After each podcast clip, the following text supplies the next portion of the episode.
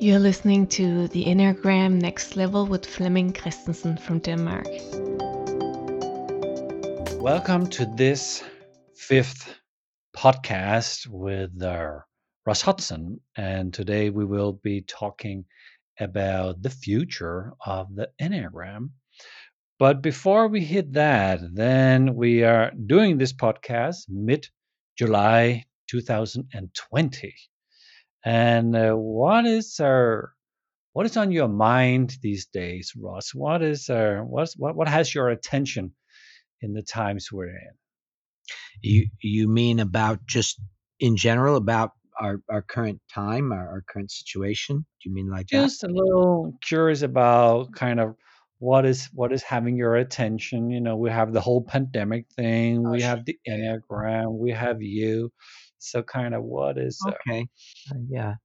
Well, hi everyone. Yeah. Um, I think I'm much like other people, uh, looking at how to adapt what I'm doing to the current situation. How can I make this work available to people um, when we can't get together so easily? Um, and certainly, traveling internationally is um, very difficult right now. But you know, through the miracle of technology and uh, things like this podcast and other things that we're doing, uh, I'm learning how to do my teaching more skillfully from these uh, kind of internet platforms.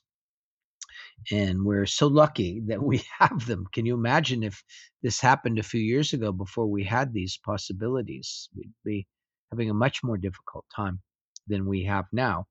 Um, I think um, you know, so I'm I'm looking at that. I'm trying to learn new things. I'm trying to take advantage of this downtime to do some reading and studying and uh, keep uh, upping my game, as we say, um, so that I have interesting things that are inspiring to me that I can bring to my teaching. It gets tiresome to keep uh, doing the same stuff, um, and so I don't like to just rest on things I figured out a long time ago. If I can learn new, intriguing, and uh, exciting things about human beings, about reality, that's always good. So I'm doing some of that. I'm also just looking at the whole world situation, at what things are working and what things are definitely not working. Um, it's it's certain that we're in a big change now. You know, eh, it's um, it's hard to imagine the world going back to what it was before. I mean, some things will return, but I think many things are going to come back changed. And I think we're, on one hand, uh, sad and saying goodbye to certain realities. But on the other hand, I also think many of us are relieved. some of us don't want to go back to living the way we were before. Um, of course, I'm very concerned for um, the people who are at risk to get sick, and I'm very concerned for the people who uh, can't work right now. Uh, who, you know, people, for example, in restaurant industries are having a very difficult time. Um, so all of those things are on my mind, but I just I think it's a time what that makes the work we're doing more important. And in a way, I think more people are realizing how important this kind of work is, not just the Enneagram, but any kind of legitimate journey of self knowledge and, and presence. So we'll probably talk about that some today, but I think many people are realizing that um, it's it's better to have some self understanding when we're going through these big challenges.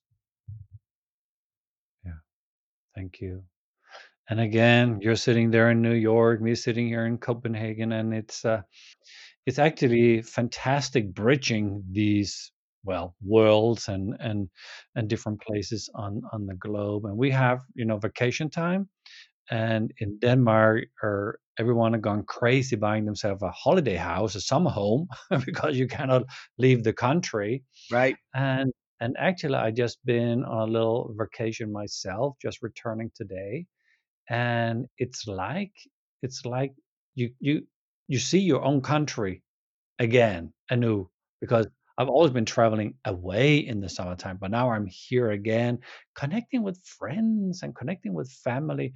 So, so, and maybe here in Denmark we're a little, maybe a month or two or three ahead of you in the States, but here it's like our people want or to be close. They want to be intimate. They they want to have real conversations. It's uh, something. There's there's a new new. There's a new normal awakening here in uh, in, in Yeah, Denmark. that makes Yeah. sense. Uh, you know, here in New York, we are improving. We're uh, number one in the United States for our uh, improving the conditions. Our our infection rates and death rates are going down, down, down, down, and uh, so that's good. And so we're ha- able to do certain limited things. We still are wearing our masks and we're still keeping our social distance. And but it's as you say, if we get together outside and we sit a little distance, but people are talking about real things. You know, there there's less interest in you know certain kinds of gossip and stuff like that. Uh, so that's interesting. And of course, here in the United States, we've also been through a time of a lot of social examination. And of course, people have a lot of different ideas about that. But some of the older wounds and issues in this country are are coming forward just as they are in individuals. So I think that can be a healthy process with the right holding and framing of those conversations. Uh, but I think there are things that need to happen, you know. So there's that. And um, but I agree. People, I- same here. I live in in this big city, but I've really enjoyed just walking around my neighborhood and and really looking at the details and discovering shops that are a short distance from my home, but I didn't even know they were there. You Yeah, know, it's like that. exactly, exactly, exactly. So this is a conversation about or the future of the Enneagram, and I have gathered five questions, and I'd like to share them with the people listening to us. And the first one would be, what from the past has to go into the future? That would be first. Second would be, what or is the future of the Enneagram? How do you see the future of the Enneagram? And the third one is, if you, a person, cannot or will not look at oneself or build up some self insights, Uh, do the Enneagram have any future at all then, if, if not willing to look at yourself? And the fourth question would be, what future did a person like Gurdjieff or other people like him that has influenced the Enneagram, what future did they see or for the Enneagram or for humanity or maybe even wished for? And then the last question is for you, Russ, what is your wish for the Enneagram in the future? So for me, this is exciting to prepare. it's very exciting to, to be here with you. Mm. So let's start with the first one. What from mm-hmm. the past do you think has to go into the future? It could be from the Enneagram or some teachings or or some some some learnings. What what what can you see that we have to bring into the future? Well, you know, I think that there's a certain core set of teachings that not only uh, me, but uh, any of the sort of established teachers or schools work with. There are certain core ideas that I think are important to go on. You know, I think overall there's been a pretty good consensus about descriptions of the nine Enneagram types or points and uh, what they're like. And I think that is important that people don't get too creative with that. Start making up strange versions and and people do if they and that's fine but then it's, it's not really the enneagram anymore it's something else. Um things like the centers you know being able to work with the centers what it, and and some kind of knowledge about what is what does that mean that to be what is the belly center? What is the heart center? What is the head center? Not just as an idea but as, as some kind of direct knowledge or experience. I think that's important.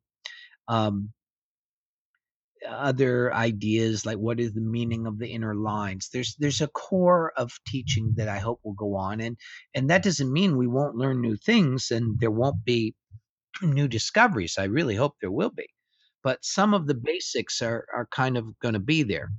Um, you know in in science um, although there's been the discovery of quantum physics and chaos theory and all kinds of interesting things, thermodynamics that have occurred in the last, you know, 100 to 150 years, um, it doesn't mean that Isaac Newton was wrong and that Newtonian physics was wrong. It's just we discovered other elements, but we had to start with some kind of a, a platform to begin our exploration. So I hope that stays around.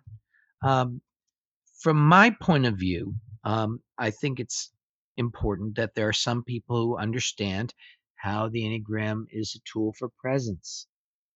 Now, not everyone who teaches the Enneagram holds it that way. And I'm pretty sure there'll be a lot of people continuing to teach it without that perspective. But I'd like to know that going forward, some people do understand that and understand how to work with it that way. That it isn't just nine categories or boxes for people, but it's a way for people to return to their core, to come back to their most heartful, grounded, awake self. Um, so and and yes, also that it's it's not just a, a set of descriptions and distinctions between kinds of people it's also developmental. I think it's important that people keep understanding that it, it's really for our growth and development um, and to see the imbalances in our lives in different. I think one area that's going to grow a lot will be knowledge about the instincts, for example. I think people get very excited about that work. And I think it's very promising, some of the new discoveries. But I think there's a, a process that some of the fundamental distinctions and a right understanding of what those are also is something that I I hope goes forward. And lastly, I, I just hope that there are people teaching this or presenting it who've done enough of their own inner work that they can present it from something more than just repeating something they heard or teaching it from their Enneagram fixation.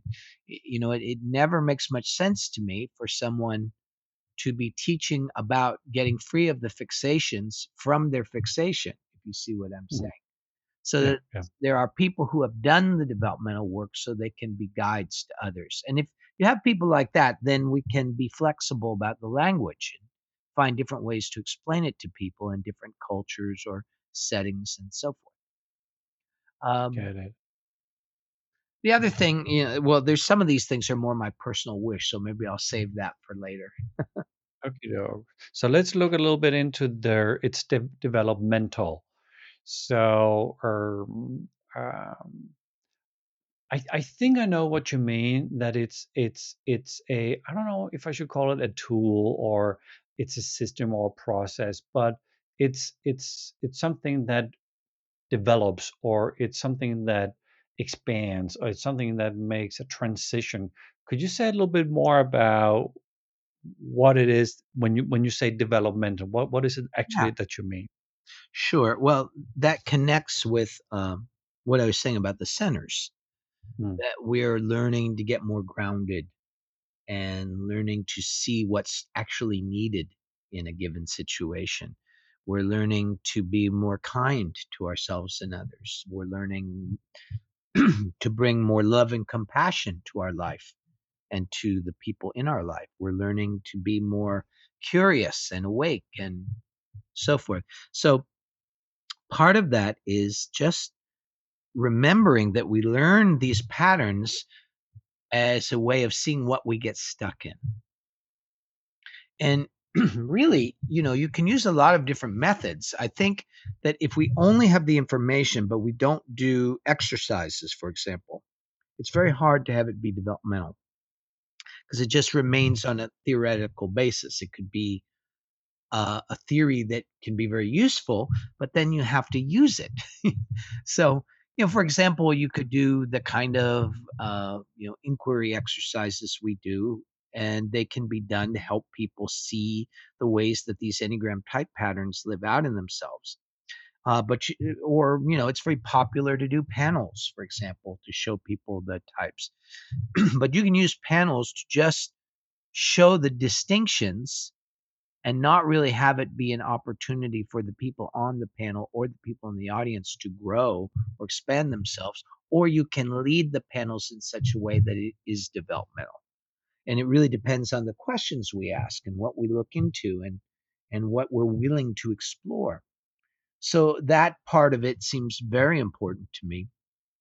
And I think if we keep in mind that we're not, we are not our Enneagram type, that we have an Enneagram type, but that we're learning about that to grow something deeper in us, then we're going to be using it in the most practical and helpful possible way. If not, we're just trying to psych out other people. We we don't learn about ourselves. We just learn about these other characters and and so we we we fantasize that we'll know what to do when, when we run into somebody of that type. But I don't think we can really change our behavior very much if we aren't learning to see what we get identified with, what we get caught in. and and the part about or being a tool for presence so so you're my teacher and there, this is this is what you teach or i know exactly what it is. It's kind of that that's that's how i learned the the enneagram. But if it's not a tool for presence then then what have you seen that that it's been also used for? Yeah some i think some teachers they don't talk about presence but it's there implicitly. Um, you know, some, you know, for example, you know, some people teaching about it more in the workplace. And so we might not use the word presence. We might use other language. We might talk about mindfulness. We might talk about, you know, uh, self awareness and, and so forth. But we, we kind of understand that if you're really going to use this in team building or management or these practical implications, if I can't get out of my own way, if I can't see my habits that I get stuck in, I, I'm just going to do my habits. So the idea is if I get a little more freedom from that, then I can manage in a different way. I can respond in a different way. I can lead in a different way. So, you know, I think even some of my colleagues, you know, they don't explicitly or obviously teach about presence, but it's there in their orientation and how they're trying to guide their students being self-observed or yeah. Self you can't do self-observation without some presence because what mm. would be looking? Yeah. Exactly. Yeah. Exactly.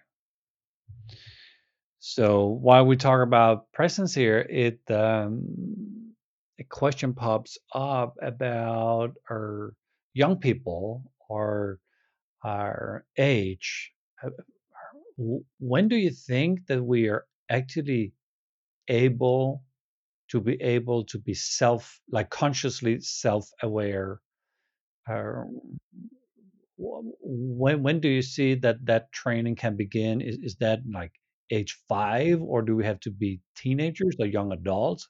When when would that be useful to, to practically train? I really think at different stages of life, there's different ingredients from the Enneagram that can be useful to young mm. people. Um, and it really depends, as it does with adults, on the degree of the person's level of interest. See, young people are not different than grown ups that way.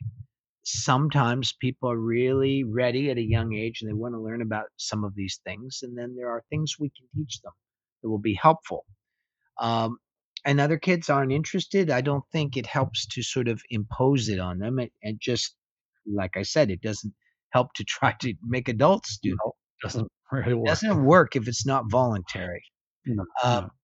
That being said, um, you know, psychologists know that young human beings go through different developmental phases, and what's helpful to them at these different phases is different.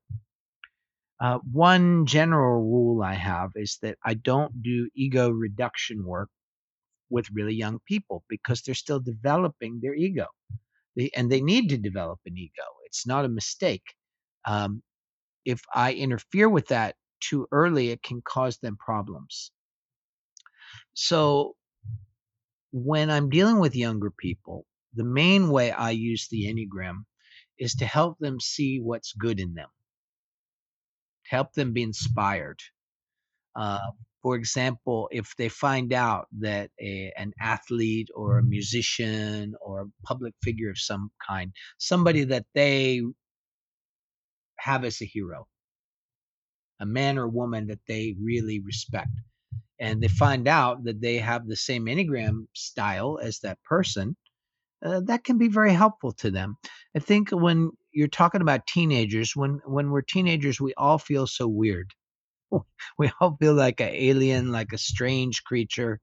No one can understand us. So to find out that there are other people that are like me, that struggle with some of the same challenges and issues, have some of the same doubts, and even more that some people I really respect and look up to have gone through these challenges.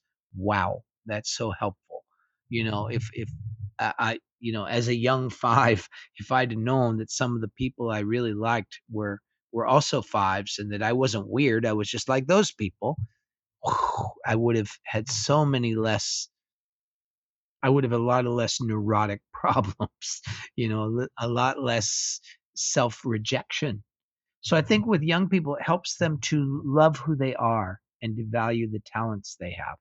And I also hold type very lightly with young people. I don't try to stuff them into a category because they're still developing. And um, we want to leave them room. The other, the other way I think it's useful if we're older, if we're parents or teachers or you know some figure in the younger person's life, it also helps us see our own expectations of that younger person that may or may not be in alignment with what would be helpful to that person. Now, that's a common problem that sometimes parents, one child has similar desires to their own, and so we get on very well with that mm-hmm. child, but another child has very different goals or, or needs, and then we we can just think they're a difficult child, or with a little wisdom, we could see, ah, they need something different to really flower and bring their gift, and I need to relax around my agenda for them to help support them in what they really are here to do. Thank you. Well, it takes us to the next question, and that is what what is the future of the Enneagram or for the Enneagram? Does does the Enneagram have have a future as you see it? Well, it certainly seems so these days. I had I've had my doubts at certain stages of the journey, you know, but right now it's more popular than it ever has been. I don't know. I would imagine that's true there in Denmark. Um, I would imagine it's true in many places in Europe. Um, it's true in Asia. Uh, we have, well, you've been to Egypt, and so you know it's starting to catch on in the Middle East. Um, in the United States, we have millions of new people discovering it in the last few months or years. Um, many people coming from religious life here. Uh, traditional Christians are discovering it as something very useful to them. So it probably has a future. Will the good parts of it continue on? Well, that goes back to your first questions. I think that depends on some of the people understanding the deeper teachings and being able to communicate them in these different communities. You know, um, so as for example, you know, in this growing number of Christians learning about it, I'm not there to tell them what they should believe. They have their beliefs, whatever they are, and they have their relationship with God, with their religion.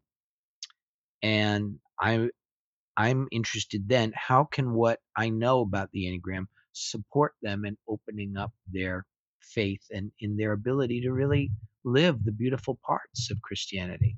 That's a really worthwhile thing from my point of view. Um, I enjoy it. On the other hand, uh, here in the States, we're starting to work more with uh, communities of other colors and ethnicities. And so we're working with more with black communities, with Asian communities, with Hispanic communities, and they each have their own cultural values and so forth. Of course, within those communities, there's just as much variety and difference of sensibility as in any community, but there are some things that need to be done a little differently. So I think one of the big areas of growth and future for the Enneagram is that I think some of the other um, racial, religious, and ethnic uh, backgrounds um, are starting to discover this and bring out other elements of the Enneagram. Uh, and I think that's a, a wonderful thing, a great thing. Um, so it becomes really more of a global conversation. So that's the other Mm. thing. I see it as a great bridge builder. Uh, when you might, well, you might be uh, uh, an Egyptian person from the middle part of Egypt, and this other person might be Japanese, another person might be from Denmark, and somebody else from uh, Chile in in South America. But you know, if we're all sixes, if we we start talking about how we're sixes, we it builds other kinds of bridges of human understanding. And I also think the ele- the element of self-awareness that the Enneagram invites us to helps us to also explore our prejudices about other people or other kinds of people. Uh, helps us see uh, the kind of assumptions or imprints. Is not like we decided to be that way, just like everything else we look at. It's just part of our conditioning, part of the imprints that we get as in the process of living on planet Earth. Um, so there's a, a possibility for it being part of a, a more balanced and beautiful and real cultural interchange. I think that can be a big part of the future. I also think we're going to learn more about it from a science point of view. There are studies that have been started, uh, some that Don and I got involved with years ago, but some new ones of people trying to demonstrate the scientific validity of the Enneagram. Uh, and there's a, doing that both medically, but also through other statistical models. And as that happens, I think we'll find it more used in organizations and in government, and in education, and so forth. You know, so there's a number of fronts that I think are part of of the future. Yeah. So supporting the growth that is already going on and making bridging our different kind of our of our communities and uh, supporting cultural interchange and and mm-hmm. organizational leadership, teamwork building. Hmm, I like that. I like Yeah. that. I think that's going to be a mm-hmm. big part of it. I think the Enneagram, if I was to put it in a very succinct way, self knowledge is never independent of our ability to mm-hmm. relate to people. If self knowledge is real, it helps us open and understand other people and to find ways to meet them, to be able to work out things, to discuss things, to create things together. Um, and I think that sometimes our desire to connect or create things together gets stopped by our lack of self awareness. And I think sometimes our journey of self awareness, if it's too much self involvement and not enough engagement with other human beings, we can't really learn. We can't really see ourselves very well because it's in human relationship that we really find out what's going on in us. It's a much more accurate indicator than my many ideas about myself that I can have on my own. For sure. That is great, and it actually leads us to the uh, to the third question. I have to check. Oh, it disappeared. There was a little echo. Okay, the third question it goes like this: If you cannot or will not see yourself, then is there a future at all for a thing called the Enneagram? If if the willingness is is not there, if the level of interest is not there, it, it- does the Enneagram has any purpose? I think um, depends how you look at it. History is full of examples of great spiritual teachers guiding people to some kind of self awareness as a basis to living a spiritual life. And then over time, people forgetting all about that part and just turning it into something else. Uh, there have been all kinds of great innovations in psychology. Same thing. After a few people carefully teaching it, it became something else that didn't produce the same result. I think the Enneagram itself might go on, but the core, the original purpose of the Enneagram could be lost. And that's why I think it's important if, if some people do understand it and transmit that and and we work on that stuff together, then there's always at least a thread of that that's available. But already, I mean, you know, there are hundreds of thousands of people who have learned about the Enneagram in the last couple of weeks through the internet, through videos on YouTube or little memes or things. And there's not a lot of self awareness in the way that it's being presented or the way that people are learning it. And the Enneagram without self awareness is we're just trying to find a description of ourselves that we like. we're trying to match one of the descriptions. And if we don't like that description, we'll go over to that teacher, and that teacher's description tells me what I want to hear. And sometimes we want to hear bad things about ourselves too, but it's not growth to just keep feeding ourselves what we already believe about ourselves. And so the Enneagram can and does deteriorate into that, which is very different than what, you know, Gurdjieff or Oscar Ichazo or Claudio or myself or any number of people who've been uh, more touched by the core of it would would say. You know, Helen Palmer would not agree with that view of it. Um, none of the older teachers would. Um, so we uh, can it go on without self knowledge? Yes, it already is. But that's why it's important for those of us who value that developmental part of it, as we've been saying, uh, that we work to make sure that that continues to be something shared and and uh, disseminated. Hmm. I heard a saying that you need six percent of a population to be able to do a change. You know, that could be in, in an organization or in a team or in a country. And 6% sounds not that much, but it is. It's a lot of people Yeah. that should actually have been practicing awareness. I don't know if the number is true, but even if it seems small, it's a lot of people that has to kind of keep on a lineage, have to keep on the teaching. Yeah, that sounds about right. I don't know. It might even be a big number. Uh, Six percent can be a big number. Let's, if we can guess, there's, you know, maybe five million people in the world. I'm being conservative. Uh, there's probably five million in China. but if let's say there's five million people in the world who know the Enneagram, well, then you know, six percent would be, you know, what, thirty thousand people that know the real thing. I don't know if thirty thousand people know the real thing but as long again I, i'm not sure what the target number would be but you can tell when when that sensibility is growing and thriving and carrying on and when it's diminishing. Um, one good thing about the internet is even though there's more noise to signal there's a lot of people calling all kinds of things the enneagram now and and you know a lot of it is just humorous mm. stereotypes which okay for a first beginning look at it can be useful but you kind of hope then that people will have a next place to go to go to a deeper level.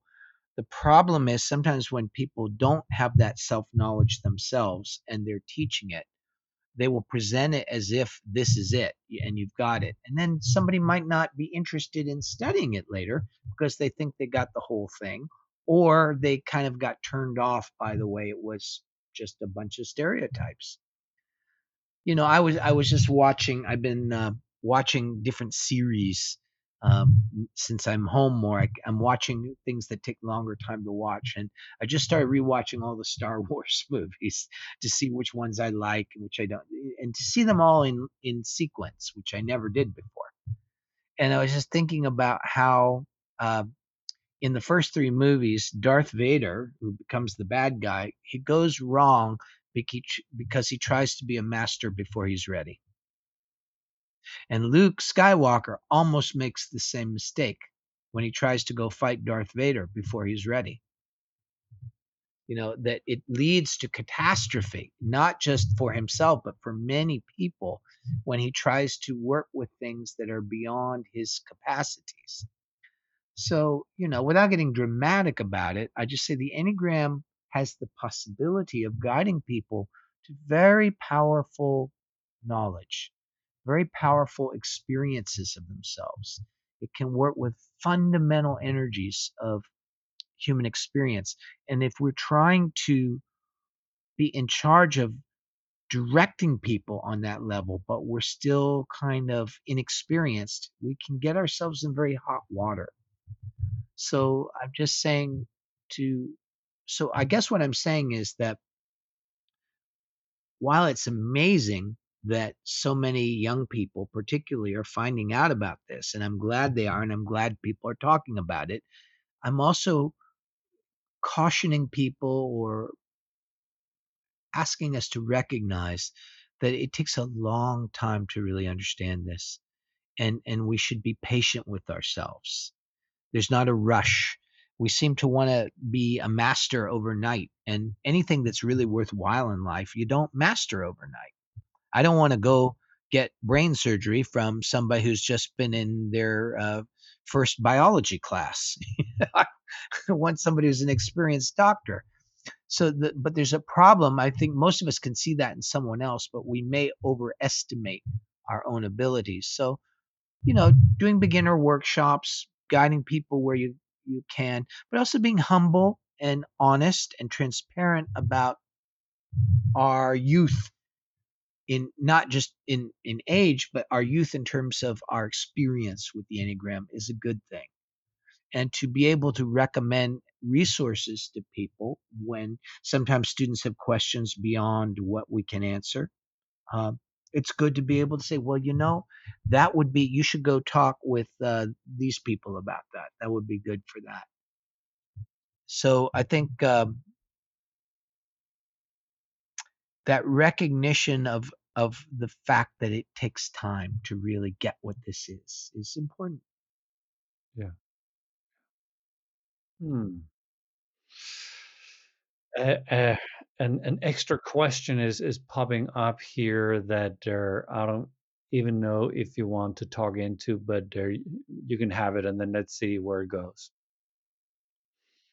Our different teachers have over over the the the last decades been fighting uh, over over the enneagram and uh, who got the rights for this that and the other and uh, there's a lot of competing energies in the field of the of the enneagram.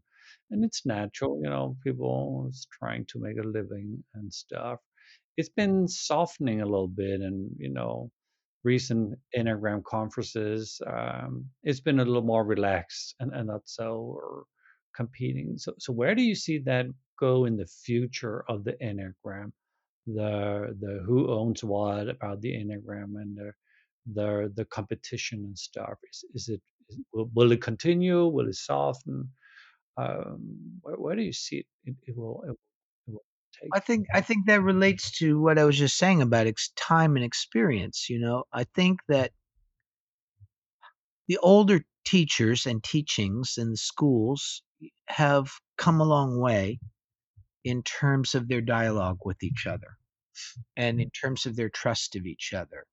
And I think within each school or each teacher, you know, that which was useful or helpful that he, she, or they were offering uh, has st- stuck around.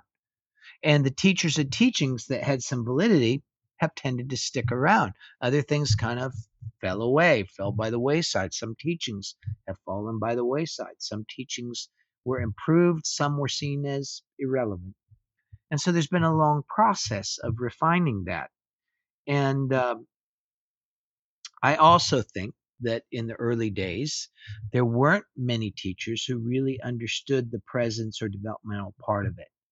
When it came to market, it was just these different theories about the nine types and how you des- describe them and how you should teach them, et cetera, et cetera.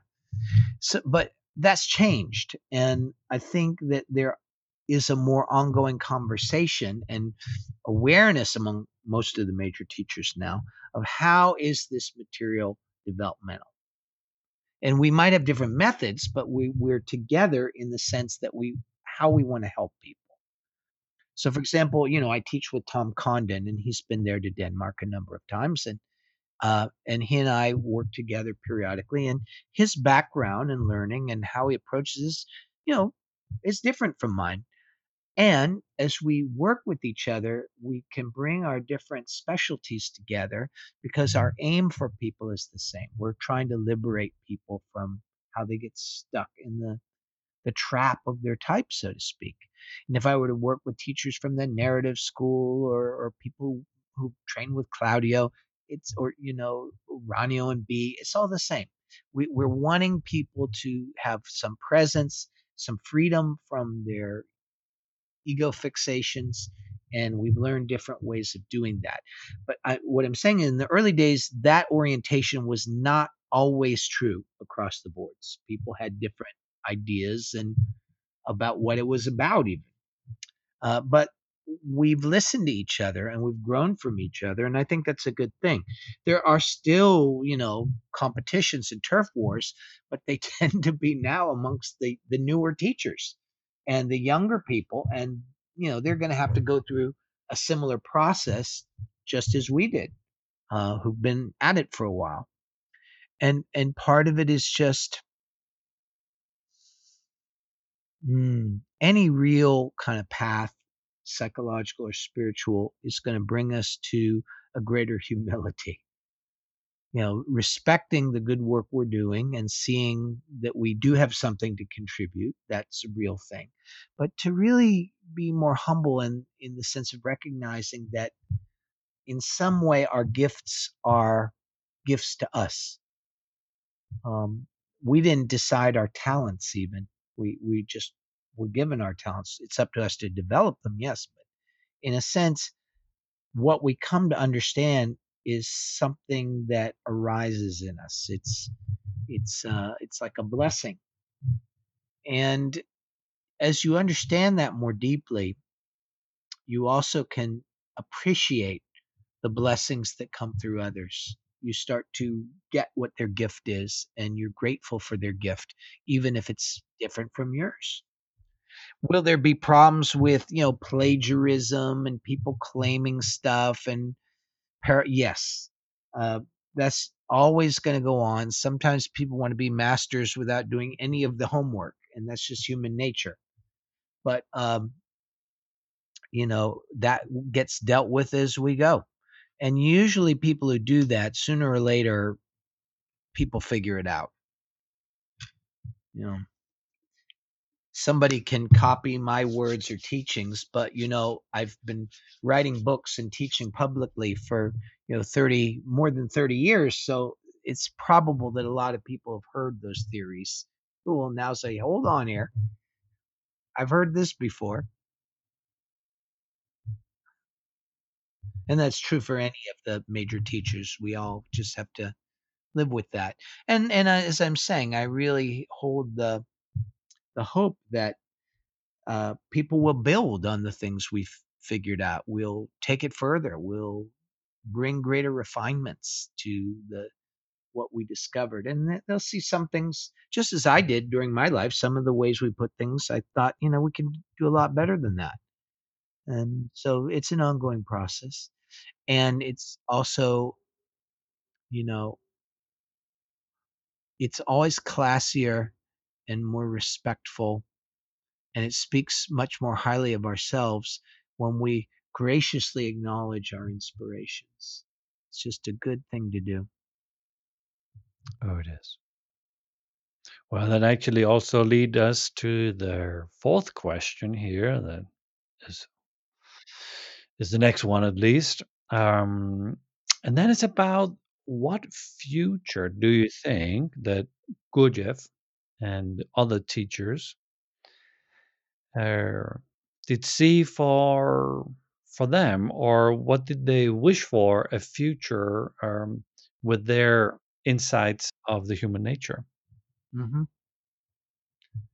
Well, if you're talking about teachers who are what I might call root teachers, uh, who really are operating on a different scale, teachers like Gurdjieff, we could argue that Oscar Ichazo was such a teacher. Um, I think on one hand, they were in support of these teachings being released into the world at this point for the sake of us human beings having some tools to cross a time of great change, which we now can see that we're in. You know, you heard me talk about this stuff back in the 1990s, and everybody said, well, maybe, you know. But now here we are. that stuff I was talking about is not a rumor anymore. It's not a weird idea. We can see the world is changing in gigantic ways and that we cannot go on as we have been. That we see that that is not a viable choice. So, what do we do? What kind of world do we want to live into? What sacrifices are necessary? So, you know, these tools of inner work and these teachings and all of the knowledge really behind the Enneagram and even just the knowledge of the types, I see as potential helps for us human beings figuring out how to reorganize ourselves in this changing time to prepare a kind of world that we would be excited about, to, to look forward to individually and collectively.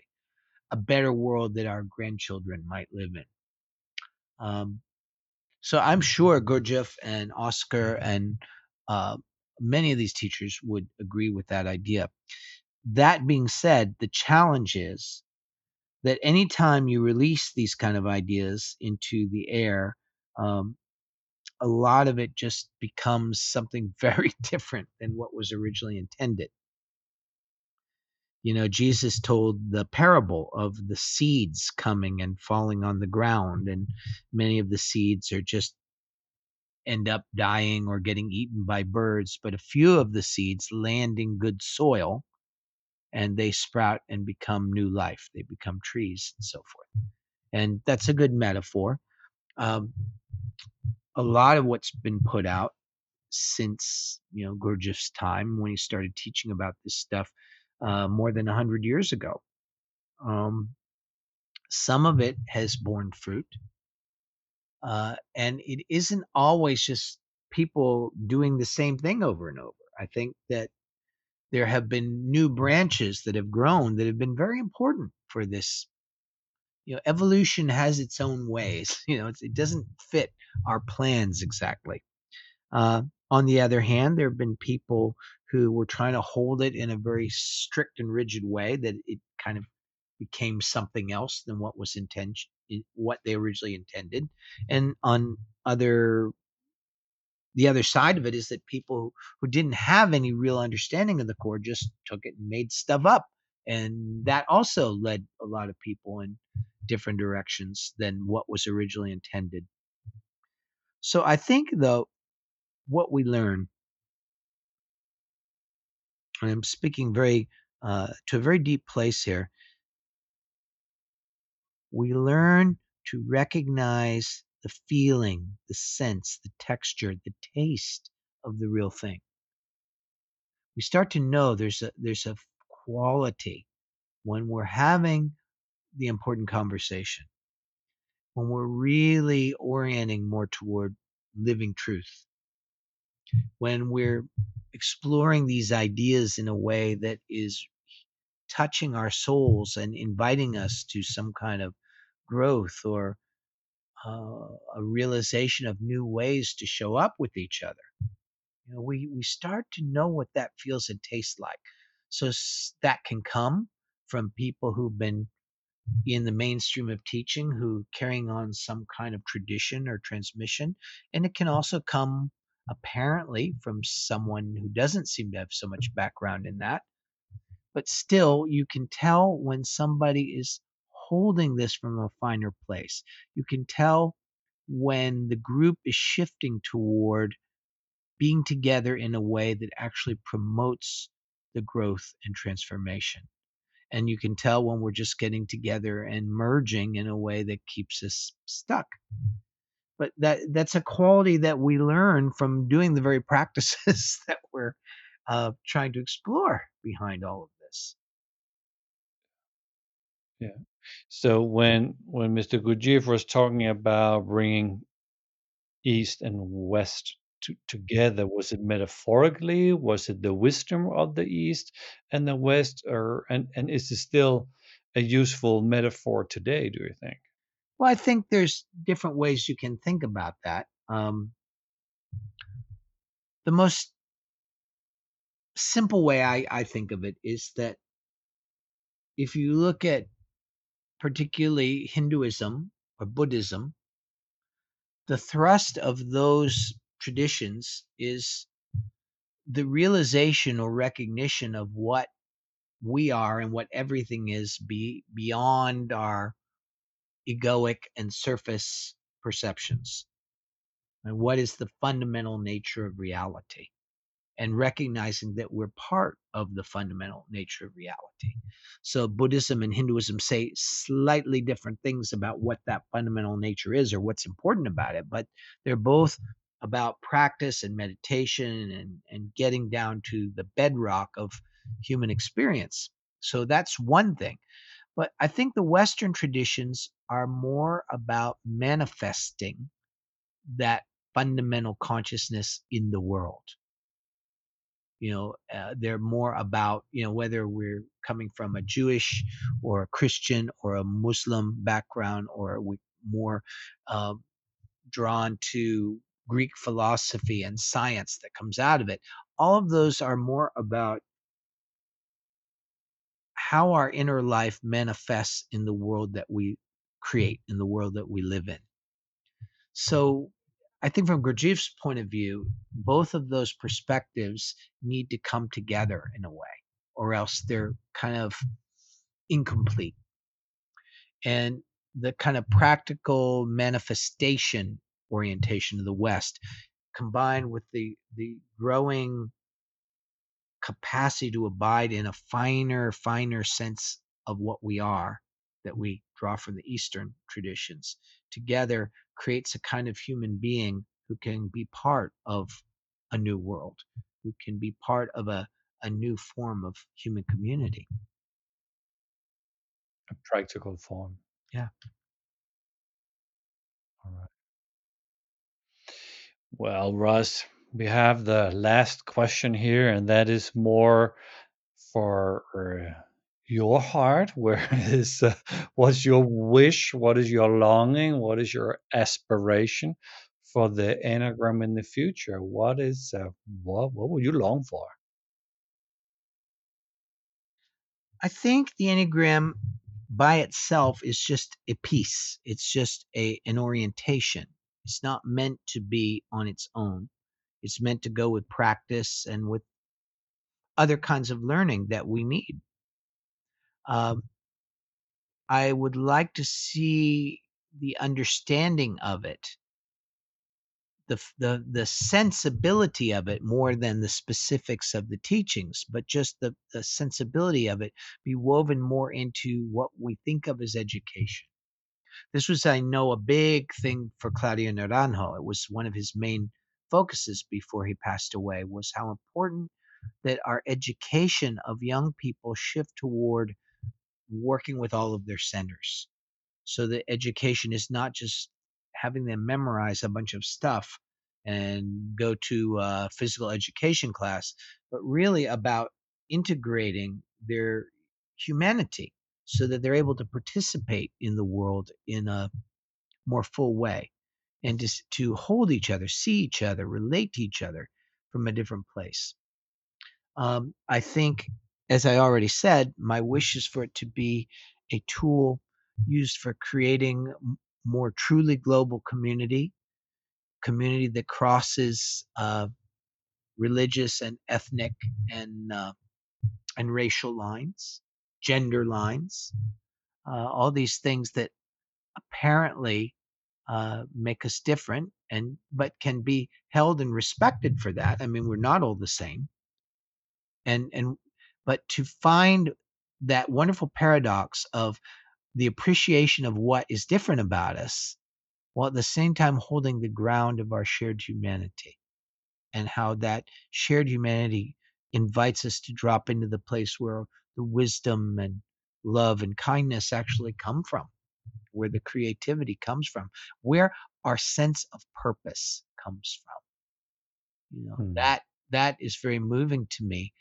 For that to happen as i said i think we need to have people really dedicated to this teaching on a on a level other than just you know chatting about the types of celebrities on the internet. Again i'm not against that i, I think it's fine but i just am saying beyond that we need some people who really get this this deeper invitation and are willing to be part of that transmission that conversation. I think that is uh something very yummy to my heart the idea of people doing that and carrying that on. And hold I- eh, i would just say finally that if we really know the enneagram we know it in our guts we know it in our bones right then we can talk about it a lot of ways because it's about how we experience ourselves and others on this very deep level. It's not just about memorizing some terms or concepts. Those terms and concepts are helpful because they point us to a place in ourselves that we're not as acquainted with. But as we become mm-hmm. acquainted with that deeper, the deeper resources of the self, let's say, from there we're able to do all these other things I've been talking about that I think are important to most human beings. I don't think I'm particularly unique or different in wanting those things for us. Hmm.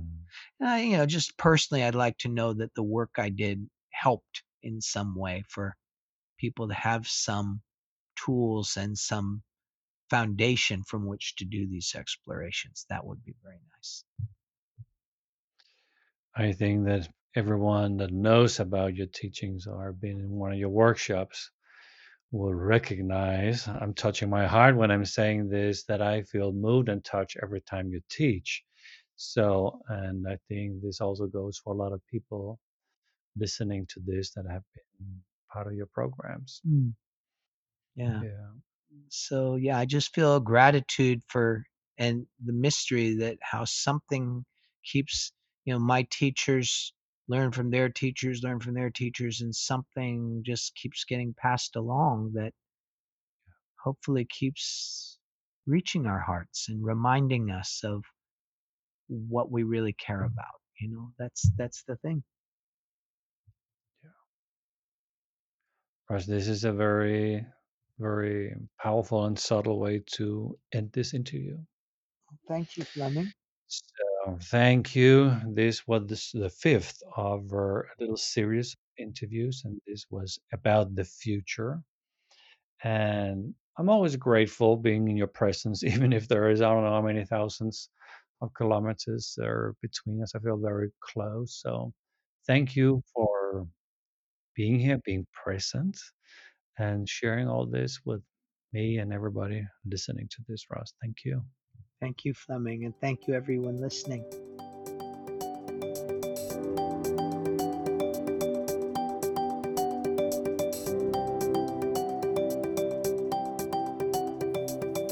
You are listening to the Enneagram Next Level podcast. Also, check out in the show notes the link to an online ongoing course with Russ Hudson. It's called Conversations with My Teacher.